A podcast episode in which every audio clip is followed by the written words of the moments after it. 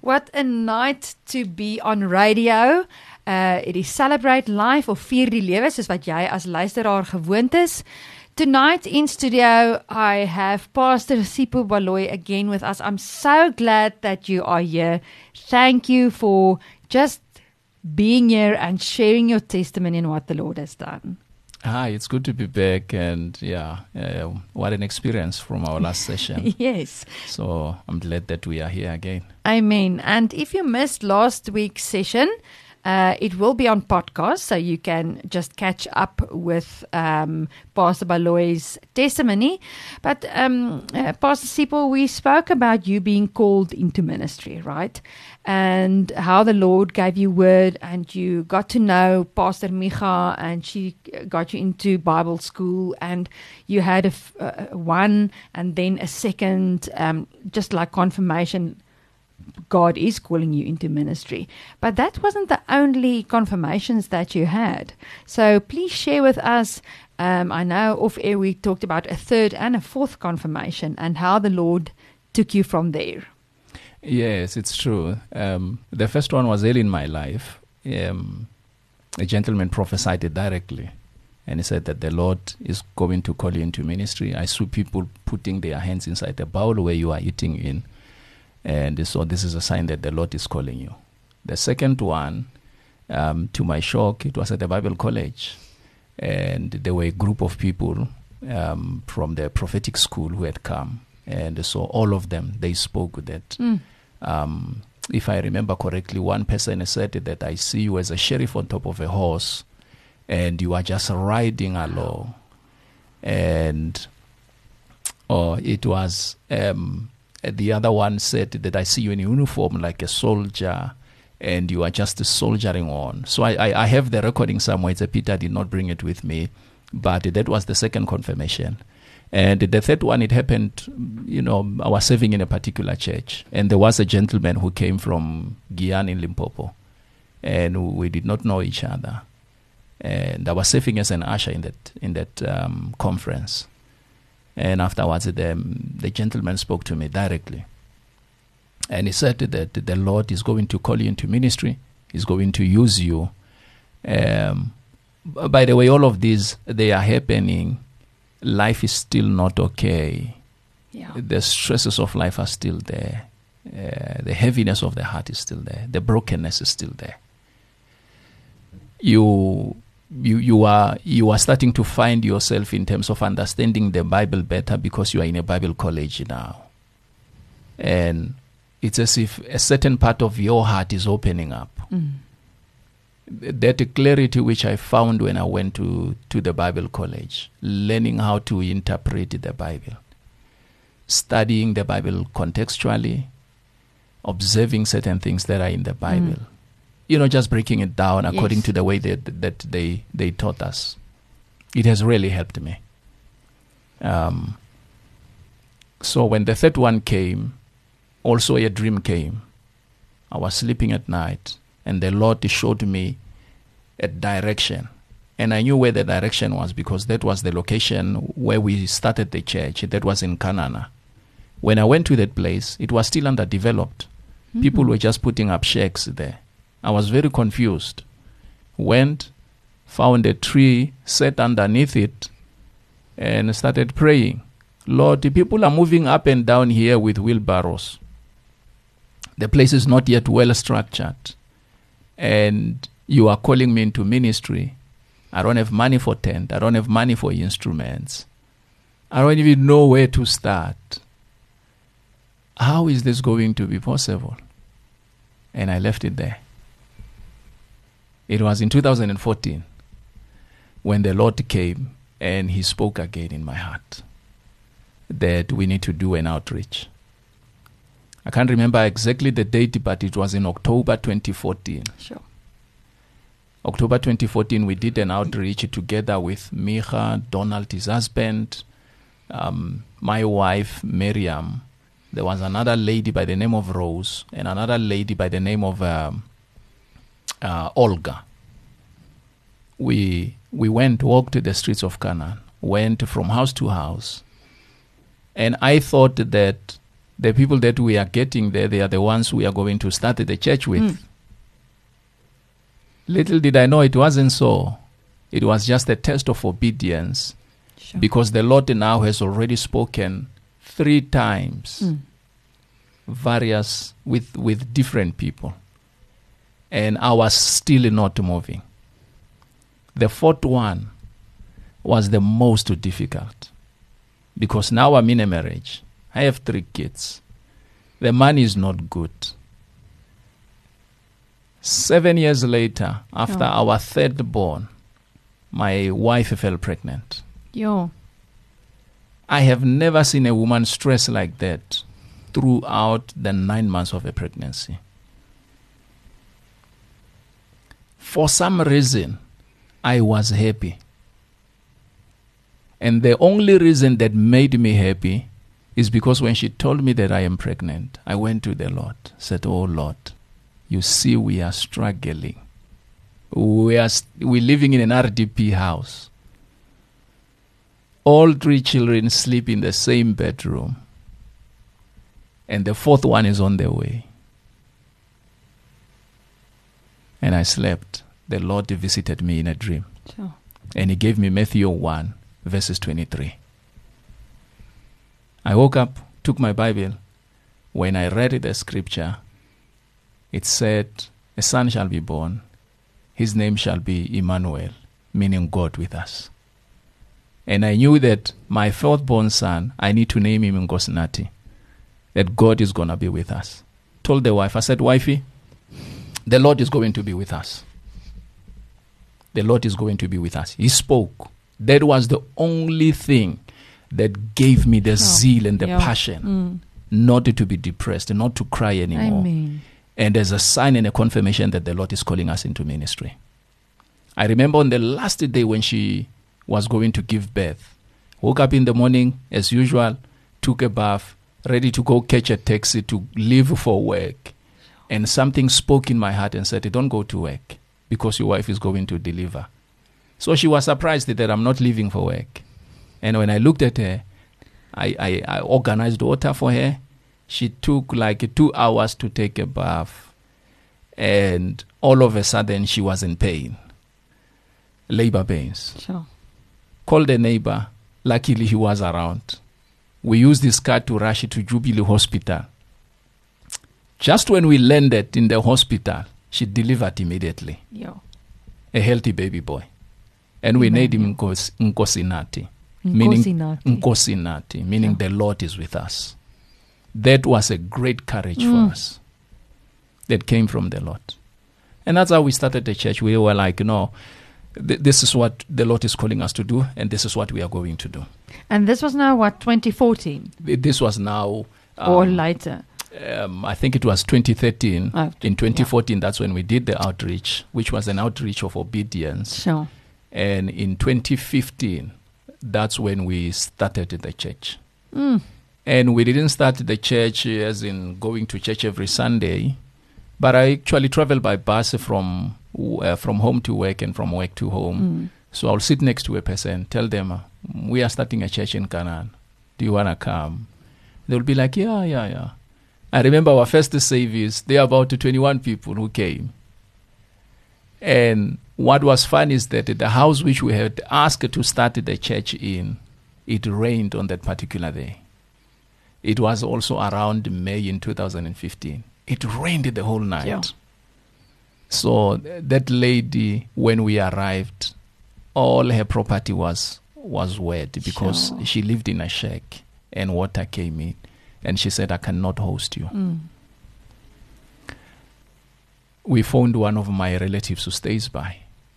And we said, Are you home? She said, Yes, I'm home. We're like, No, man, I've got people here. We just need to hold the prayer. Can we use your RDP house? And she said, Yes. That's how it's that's that's how it started. Now I had a, I have a question. So so Pastor Micha uh, uh, got you into Bible school, and but how did it come that you two decided together that you're going to do the church in Canaan? Because that's an interesting story. I mean, you've told us now how the Lord called you into ministry. Four words, confirmation, doing, starting a church. But how does Pastor Micha fit in? Because Yeah. there's a there's a story that that we need to to know. Th- th- there is a story. There is a story. Um, there were a series of dreams, a series of visitations that happened. The Lord talking to me and talking to her. And I remember one day, um, just after work, because I worked uh, very close by her house, and I said, "No, man, I need to see you."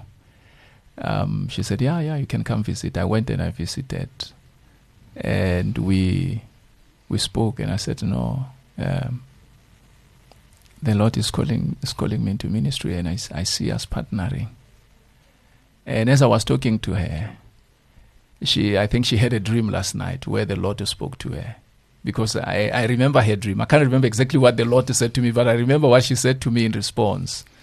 That um, she saw a dream while she was married to a tall black guy. That's right. That's right. Yes. Uh, I'm saying that's right because two two weeks ago she was also in here sharing a testimony, but um, I forgot that part, and maybe our listeners also just uh, you know uh, listen tonight. So yes, tell us about that. So she saw the uh, the guy that she's going to be married to. And, Yes. and that was you. Uh, in, in her confusion, she, she Yes, wakes I up. She's like, you. okay, I'm married to Donald, and how, how could I be married for the second time? And when I called her saying that the Lord really wants us to partner in ministry, Yes. that's when it made sense that, okay, this is what the dream meant now. So, so how practically did you uh, um, set up the church? So the first time it was at your family's um, RDP house, and you had the prayer. And how did it grow from there? Interesting enough, I think uh, the first year, which was 2015, um, we'll go there once, twice a month. It will only me and be me and my wife, and we'll meet with the family, do a little bit of prayer, seeking the heart of the Lord. Towards the end of 2015, that's when we went in every every week because they have actually organized um, a shake for us. Hmm. Um, it wasn't very big, but it was. I mean, you could get twenty people in there. Hmm. So that's how we. That's how we started, and they started to travel. Mich and Donald started to travel to Hammanskraal. 2006, we were there. Um, in 16, 2017, and 2018, we were still there. In 2019, the people needed to do developments because they've got kids. It's an RDP Mhm. house.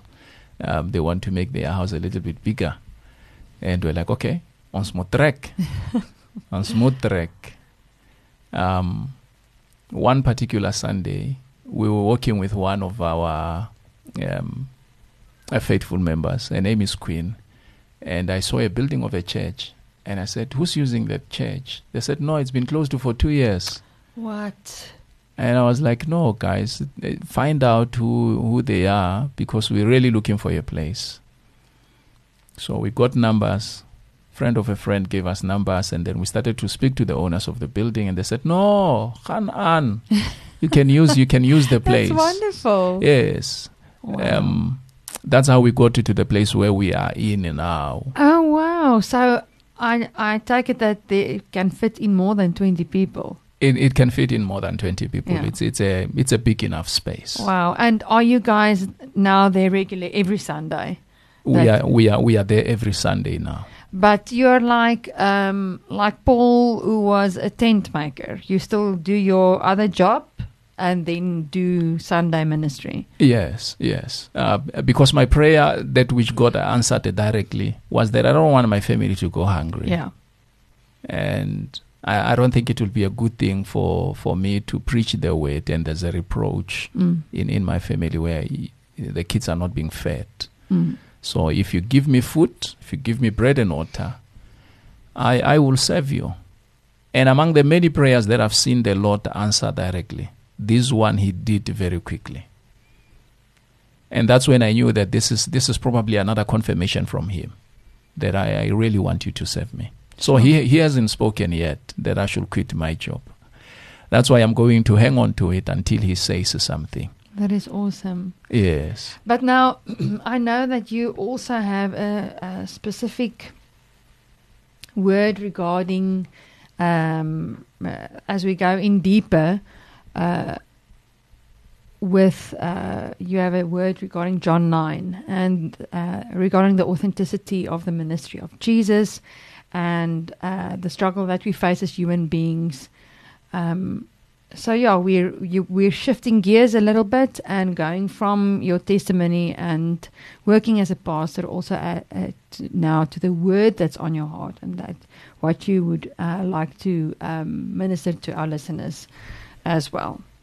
Thank you so much for that. I'm a, I'm a slow reader, so I will not read. But anybody who finds a Bible, um, please go through the book of John, chapter nine. It's one of those things. Let's say in your in your lifetime, original messages that you get from the Lord that helps you and helps Mm. others. There will be few. The rest of them, it will be you. You will need to study the Bible, Yeah. be able to explain the Bible as it is, and Sure. you know help people to apply it in their lives as it is. Very few times where the Lord will give you um, something outside outside Mhm. what you have studied from the Bible. So the book of John chapter nine has really spoken to my heart a lot. And all of these things and the ministry as it, as it is happening, you will not be aware that the Lord is healing certain portions of your life as you follow Him and you are obedient to Him and you pay attention to His call. Because my life has started to receive a peace, like a total peace, Mm. when we followed His call into the ministry. We have never been at peace as we are now in our lives because we have chosen to follow Him. Mm. Not that our pockets have changed very much, not that we have achieved great things in life, but because we have chosen to follow Him, Mm. we are Yeah. at peace. The healing that the Lord has brought into my heart, there's not even a political movement that will arise that can change what the Lord has done in my heart. Yeah. So when I read the book of John, chapter 9, that's when I realized how Jesus also struggled with, with, with people in his ministry. Um, allow me to read just Mm. the opening verses. And this is how it reads um, Now, as Jesus passed by, he saw a man who was blind from birth. And his disciples asked, asked him, saying, Rabbi, who sinned, this man or his parents, that he is born blind? Jesus answered, Neither this man nor his parents sinned, but that the works of God should be revealed in him. Mm. I want to encourage somebody today who might be listening. Um, your life has taken a, a different route. Uh, things have happened that you never planned.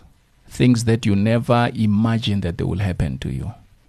Because when I read the description, the Lord was talking to me. He said to me, We are victims of circumstances and situations that we don't have a choosing in. You will experience things in this life that you never chose. And all of this should not be that you give up, should not be that you throw in the towel, remain bitter forever, remain Mm, angry or distressed forever. Keep on trusting the Lord and following the Lord. There are certain things that have been placed in this life which will mark the great works of God. Amen. For Jesus said that neither the parents nor the child has sinned, but this is happening so that the works of God can be revealed. Whether you are a victim of divorce, or you are a victim of abuse, or you are a victim where you were working, everything was going very well within your company, and all of a sudden you were retrenched, facing difficulties with your finances it's it's not that you have sinned. It's not that you have done anything wrong. You you could be a victim of, of something that is playing out. You will need to trust the Lord so that He can see you through. Nobody in this life Uh, chooses the better things that are happening to us. Yes. They just happen to us because whether you want to accept it or not, but we live in a broken world. And in a broken world, anything can go wrong at any time, not because God wanted it to go wrong, but still in that, He can come, can play a major role in your life, and He can reveal Himself in that broken state of life. And this is what happened because I, in my mind, I imagined these two parents who are falling pregnant. They want a normal child, they want a healthy child, they want to extend their family, and all of a sudden, they have to deal with a child who's born with deformity. Can you imagine the difficulty that No. they had as mm. parents raising a child who's not like other children in the community? The child having to ask, Why am I different? Why are people treating me differently? Mm. And all of this, he did not choose to be blind. Yeah. Hence, I say to you, we are all victims of circumstances that we never chose.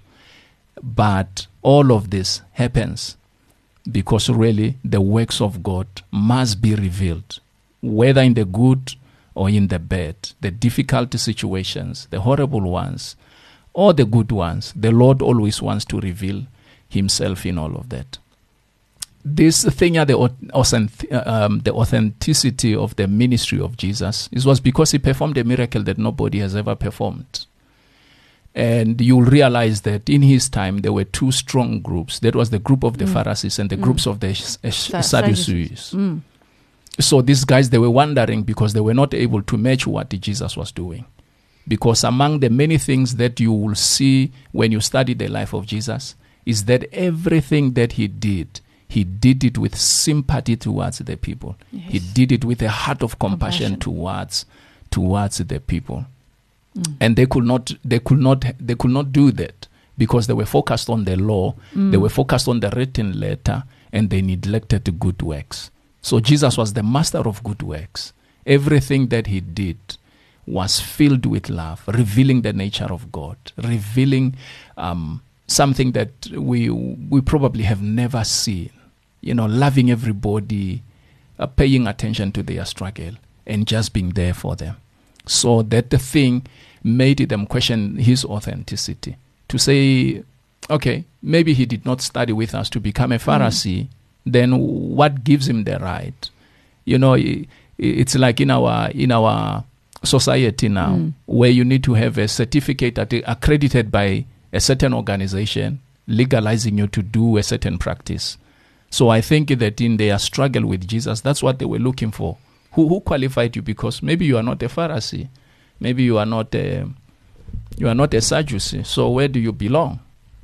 Mm. They couldn't put him in a box. They couldn't put him in a yeah, box. or label him as, you know, although he wowed the crowds with the questions that he asked. yes.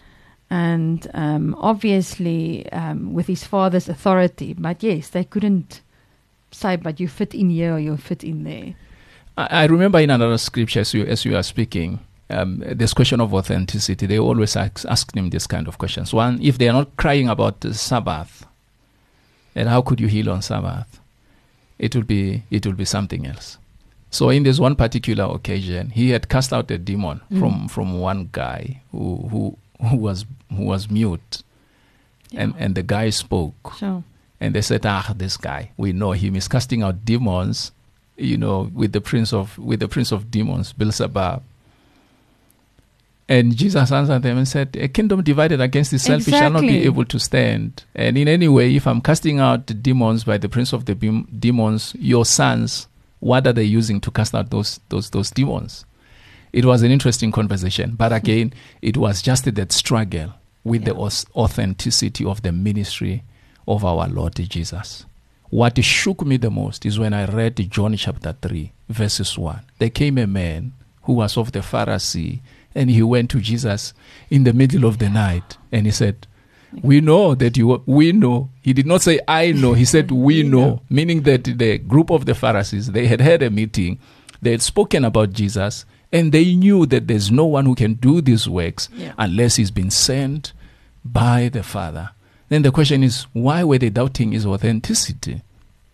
Why were they, you know, yeah. questioning the works that he was doing in, instead of encouraging him, working together with him. So you you'll notice you'll always struggle with people who are building their own Mm. empires if you are called to do what the Lord has called you to Sure. do. So this word really encouraged me. And the second part of it is that as families we, we do go through real struggles. Yeah. As humanity we do go through real struggles. And those struggles they could cause you to question the existence of God. Sure. It's true. It could make you question if God loves you like He loves the neighbor next door to Mm. you. Uh, they could cause you um, ask yourself this simple question: Why should I continue to be a Christian if these kind of things are happening to me? I just want to say to somebody: We are all victims of circumstances that we never chose, but the Lord is here to reveal the works of the Father. Hang in there. Stand firm. Be strong. Being rejected by men is not being rejected by God. Mm. Not being supported by men is not the same as not being supported by God.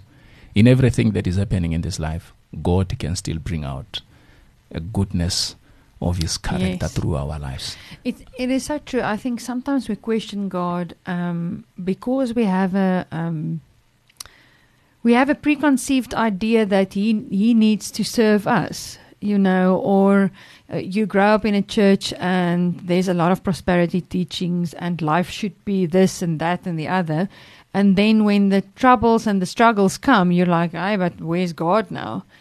Um, but I mean, if we go through Scripture um, we see that suffering is part of our our lives. It's, i I mean, Jesus suffered, the disciples suffered, and that doesn't mean we must now go and look out for all the suffering and, uh, but but know that He does not leave us in the midst of the suffering. That He's really with us, and that He is compassionate, and that um, He really has um, He knows what we are going through. That, that is true. That is true. And I think that, you know, God coming in the flesh, that was exactly for that reason to come into a broken world that cannot be repaired except to be judged, be Mm. thrown in the lake of fire, and bringing in a new life. So he came, he's in touch with our infirmities, he knows our struggles, he knows what we go through. And he himself chose to walk with the path so that he can Yes. feel it himself. So he truly, truly does understand where um, where we are and what we are feeling and what we are going through. The question is, will you trust him Mm. in the horrible? Will you trust him in the horrible? Will you be able to hold on there? Because it's easy to praise him when all things are good, Yes. but when all things are bad, has your heart been trained to still rely on him? To say that, you know, there's a time and there's a season for everything. Um, winter will not remain forever. It, it won't. Darkness will not remain forever. Will you endure? Will you endure? Sure. I think one of the greatest things that Christianity can teach you is the ability to handle the horrible part and the horrible side of Mm. life. If you can handle that, you have truly mastered life. Because it's easy to trust the Lord when all is going Good. when all is Mm. going well. And and I just want to add, uh, I'm thinking of Paul, who also said that that he has learned, he has learned how how to be content with little, and he has learned to be content with much. But that word "learn" it means he ha- he had to learn it. He didn't just get it, you know. That's true. It, it is easy with us as human beings. Uh, look at the story of the four lepers um, who were sitting by the gates of Samaria. They are not accepted in the camp of the Sam- Samaria, Samaritans, and they cannot march forward to the Syrians because those are the enemies. They are sitting sickly with no hope except for one thing let us march forward. Let us march Mm. forward. If we die, we die because sitting here by the gates, anyway, we will die. Where it, it was when they marched with, in hope. It was when they marched in hope. So, no matter how difficult life is and situations are, we have to soldier on with hope. Because there are three things that the Bible says uh, they will remain faith, you know, hope, and love. Mm-hmm. Never lose your faith when you're going through difficult moments. Allow your faith to build up hope inside of you. Mm. And that hope definitely you will see the love of God in that hope. So they marched, and the results were different. Look at the woman who was visited by one prophet. And the prophet said, eh, Give me bread. And that woman said, No, we've got the last bread in the house. Me and my son, mm. we are going to eat and just die. That's how we feel sometimes when we are looking at the horrible things that are happening to our lives. But we don't know what tomorrow holds. Mm. We don't know what tomorrow will bring. So sometimes receiving that word from the Lord, because God wants to reveal Himself as a loving God, as a kind Amen. God, as a God who understands our struggles. And I will always say to people, it doesn't end in tears. Mm. It will never end in sorrow. It will never end in a bad way. It always moves from the worst to the best. We always move from darkness to where light is shining. Amen. Because that's where our God is leading us. So, whether you are born blind, whether you are born with a struggle, a difficulty, whether you are sitting in a situation that you cannot resolve now, you are a victim of circumstances. And the Lord knows what He can do best with your life. Just trust in Him. Amen. Um, Pastor, thank you so much for your word of encouragement tonight. We really appreciate it. And as a, uh, as listeners, um, I pray that the word of the Lord will fall into your heart. Um, where there is good and soft soil, and may there be fruit on this word. We thank you so much, Pastor. Thank you so much for inviting us.